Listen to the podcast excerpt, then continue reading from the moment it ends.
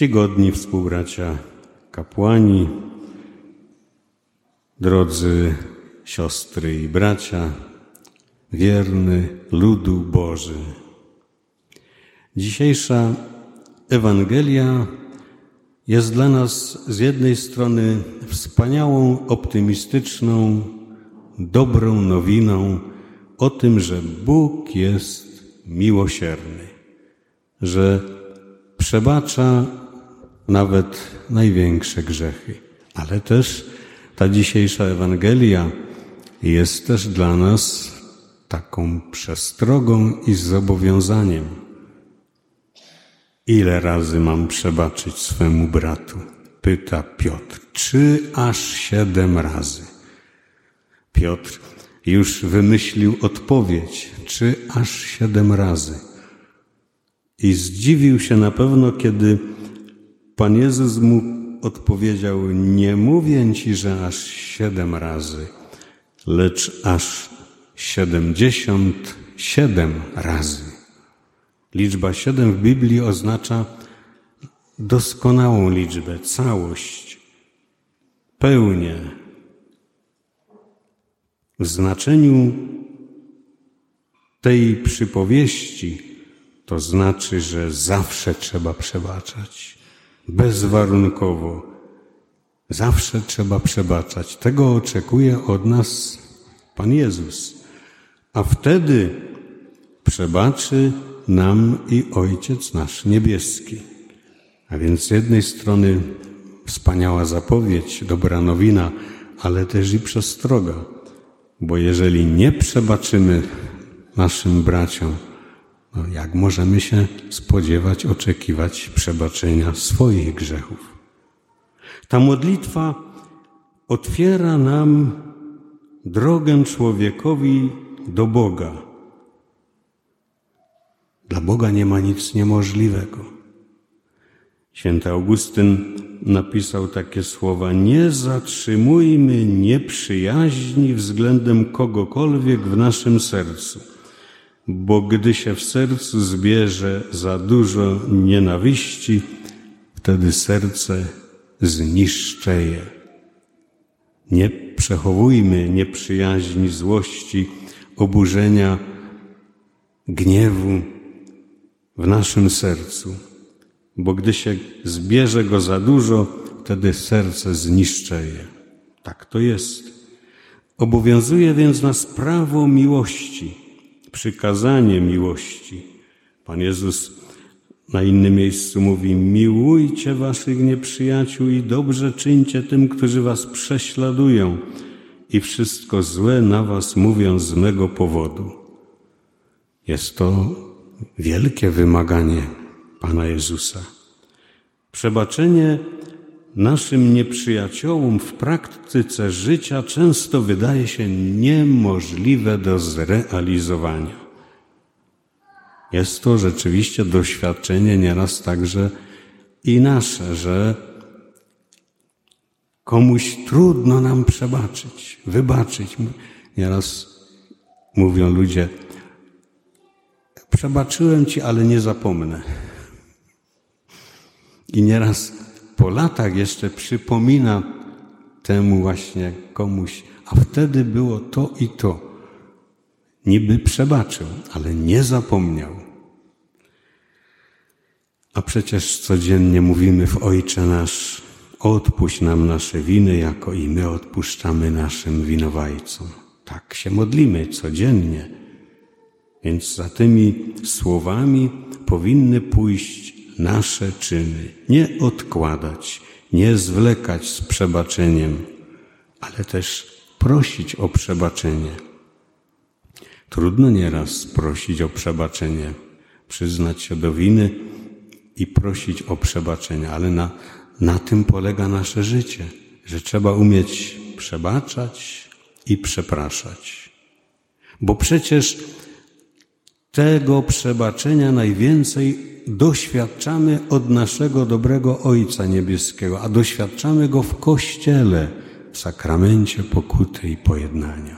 W Kościele. Bo Pan Jezus ten wielki dar przekazał apostołom po zmartwychwstaniu. Pokój wam powiedział. Weźmijcie Ducha Świętego na odpuszczenie grzechów. Komu odpuścicie, są odpuszczone, komu zatrzymacie, są zatrzymane. I to w Kościele się dokonuje.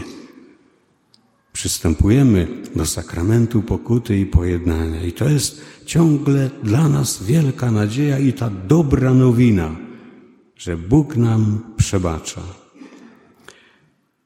Obchodzimy jubileusz, można by tak powiedzieć, 90 lat. Jest to już tak prawie 10 lat do setki, to już niedługo. Także wasz ksiądz proboszcz obecny i ksiądz prałat i wikariusz mogą spokojnie dożyć tej setki tego kościoła. Życzymy im tego. Biskup Opolski, biskup Andrzej, gratuluję Wam tego jubileuszu. E, zawsze łączy się duchowo z tymi, którzy obchodzą jubileusze. I dziękuję za modlitwę w jego intencji, o zdrowie i o tę modlitwę dalej prosi. We wprowadzeniu do obchodów jubileuszowych pewnego kościoła przeczytałem takie słowa i chcę Wam je tu przytoczyć. Nie zapomnimy nigdy naszego ukochanego kościoła, gdzie przez chrzest stałeś się dzieckiem Bożym. Tu pełną piersią z radością Bogu śpiewałeś.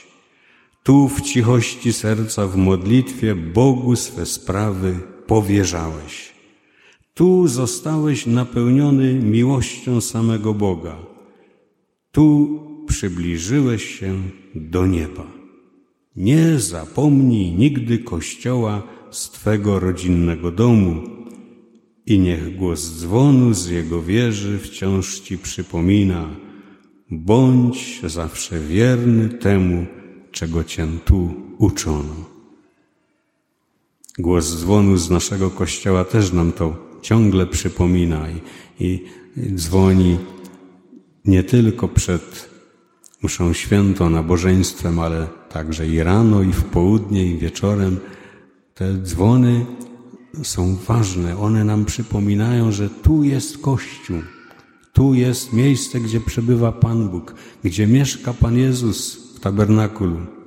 To ważny jest ten dzwon. To znaczy, że my tu ciągle wierzący jesteśmy. Jest lud wierny. Jak dbają o to w Ziemi Świętej w Jerozolimie, gdzie słychać dzwony kościołów, bo są tam chrześcijanie, ale też słychać muezinów z minaretów, bo oni też tam są. I, I dbają o to, każdy dba, żeby ich głos się rozlegał, bo my tu jesteśmy, my tu jesteśmy. Kościół to dom Boży, w którym czujemy się bezpieczni. I to nie tylko piękna, piękne wnętrze świątyni i, i zewnątrz, i obrazy, i, i rzeźby, figury, i dekoracje piękne, ale Kościół to przede wszystkim my, wierzący, wierni, wierny lud Boży, wierny, wierzący. Gdzie miłość wzajemna i dobroć, tam znajdziesz Boga żywego w Kościele. Tak ważna jest więc ta nasza wzajemna miłość. Oczekuje jej Pan Jezus od nas. Tam znajdziesz Boga żywego, także w tym kościele domowym, jakim jest rodzina, ale też i w tym kościele parafialnym, który my tworzymy. I dobrze, że przychodzimy do tego kościoła i dobrze, że dajemy świadectwo naszym dzieciom, młodzieży, wnukom, że trzeba do kościoła przyjść, bo tu doświadczamy wspólnoty wiary, tu oddajemy cześć Panu Bogu.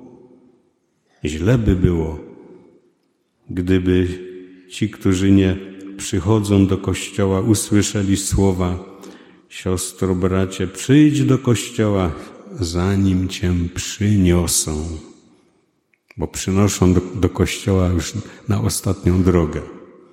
Przyjdź do kościoła, zanim cię przyniosą. Może trzeba naszym czasem bliskim sąsiadom czy z otoczenia o tym przypomnieć. Przyjdź do kościoła, bo kiedyś cię będę musieli przynieść. Wyznajemy w każdą niedzielę wiarę w Kościół. Jeden święty, powszechny i apostolski. Przyjrzyjmy się krótko tym czterem cechom Kościoła. Kościół jest jeden, bo jest jedna wiara, jeden chrzest, jeden pasterz, jedna Eucharystia. Pięknie to wyrażamy w pieśni o pasterzu, zgromadź w jednej swej owczarni zabłąkane owce, które giną, w jeden kościół zbierz na nowo i przygarnij, byśmy jedną stali się rodziną. Jak się okazuje, nie wszyscy przychodzą i dlatego śpiewamy też w następnej zwrotce na ramiona swoje weź o Panie, tych, co sami wrócić już nie mogą. Niechaj zjednoczenia cud się stanie, prowadź nas ku niebu wspólną drogą.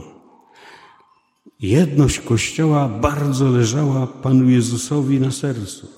Kiedy modlił się na ostatniej wieczerzy do Ojca Niebieskiego, Ojcze spraw, aby byli jedno.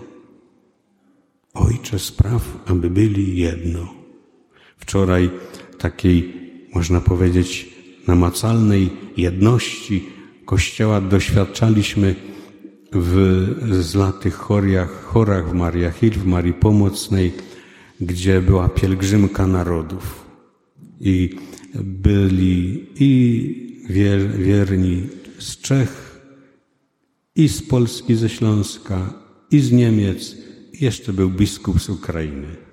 Także rzeczywiście doświadczaliśmy pięknej jedności Kościoła, różne języki, różne kultury, różne tradycje, a jedna wiara i jedna modlitwa. I msza święta była w języku czeskim, polskim, niemieckim i po łacinie.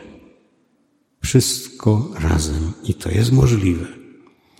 Kościół jest święty, druga cecha Kościoła. Święty jest, bo jest w nim święty po trzykroć Bóg, jest Pan Jezus, jest Duch Święty, jest Matka Boża, Najświętsza, są święci. I my z tej świętości czerpiemy, kiedy przychodzimy tutaj do tej wspólnoty, do Kościoła, a wszyscy jesteśmy powołani do świętości. Papież Franciszek mówi: bądź świętym tam, gdzie się znajdujesz codziennych zajęciach. Jesteś mężatką, żonaty, bądź świętym, kochając i troszcząc się o żonę lub męża. Jesteś rodzicem, ojcem, matką, babcią lub dziadkiem, bądź świętym, ucząc naśladowania dzieci Pana Jezusa. Jesteś pracownikiem, bądź świętym, wypełniając uczciwie swoją pracę. Jesteś pracodawcą, bądź świętym przez sprawiedliwe wynagradzanie swoich pracowników. I jeszcze jedno. Ostatnio przeczytałem bardzo piękne zdanie. Od czego zaczyna się świętość? Od cichego zamykania drzwi. Jak ktoś potrafi cicho zamykać drzwi, nawet gdy jest zdenerwowany, nawet gdy się złości, gdy się gniewa. Jeżeli cicho zamyka drzwi, to znaczy, że miłuje tych bliźnich swoich, że ma wzgląd na nich.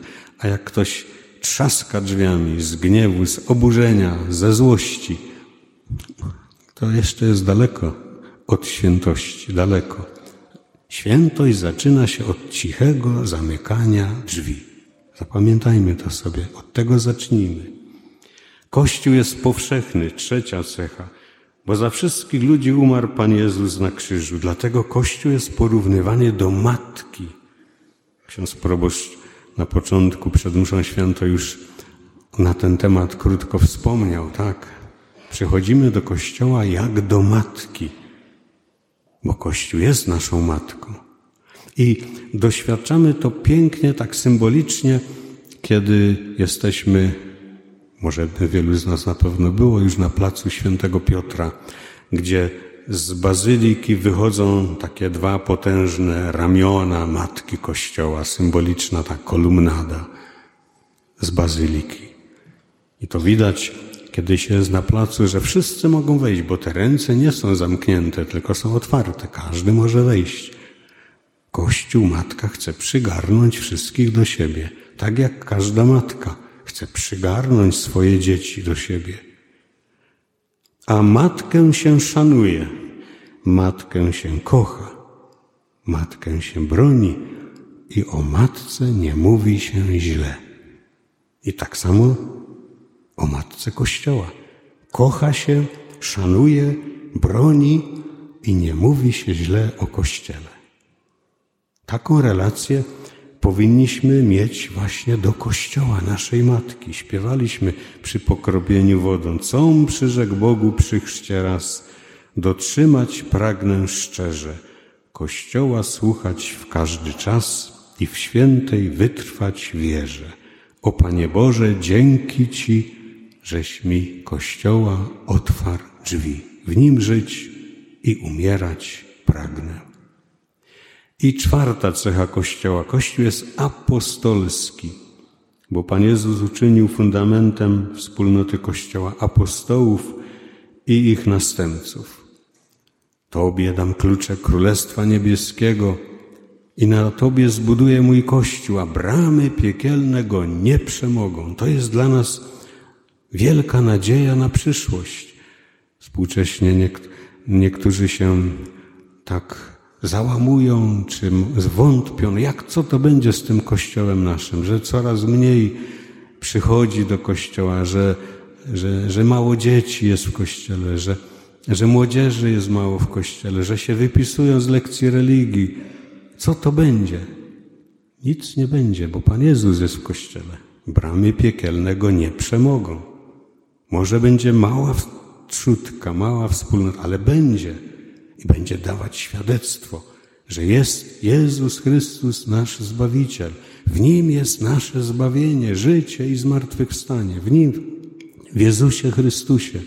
I to jest, to jest rola Kościoła pełna nadziei na przyszłość. Prawda, że robotników mało. Tak jak to Pan Jezus mówił, żniwo wielkie, ale robotników mało. W naszym seminarium na pierwszy rok zgłosiło się dwóch. Tylko dwóch, a może aż dwóch. Tak, gdybyśmy patrzyli na statystyki, to moglibyśmy się zniechęcić. Przed dwunastu laty w seminarium było 147 wszystkich kleryków, a dzisiaj jest 29. Ale nie można się załamywać, nie można wątpić. Trzeba się modlić o powołania, trzeba wierzyć i dawać świadectwo. To od nas też zależy, od naszej wiary, od naszego świadectwa. Powołania nie biorą się z powietrza, ale z Kościoła. Właśnie z Kościoła, z tej wspólnoty. I to jest nasze zadanie, abyśmy modlili się o nowe powołania kapłańskie, zakonne i misyjne i za kapłanów. Wiara Kościoła rodzi się ze słuchania Słowa Bożego. Słuchamy w każdą niedzielę Słowa Bożego. Ale Pan Jezus powiedział, owoc przyniesie dopiero wtedy, gdy je przyjmiemy sercem dobrym i szlachetnym i będziemy wytrwali. Jesteśmy dobrzy, chcemy być szlachetni a z wytrwałością nie zawsze nam wychodzi. Ale Pan Jezus tak powiedział: Kto wytrwa do końca, ten będzie zbawiony. Patrzmy w przyszłość z nadzieją. Pan Jezus jest w kościele, bramy piekielne go nie przemogą. Kościół jest jeden, święty, powszechny i apostolski. Taka jest nasza wiara, a wyznawanie tej wiary jest naszą chlubą w Chrystusie Jezusie, Panu naszym. Amen.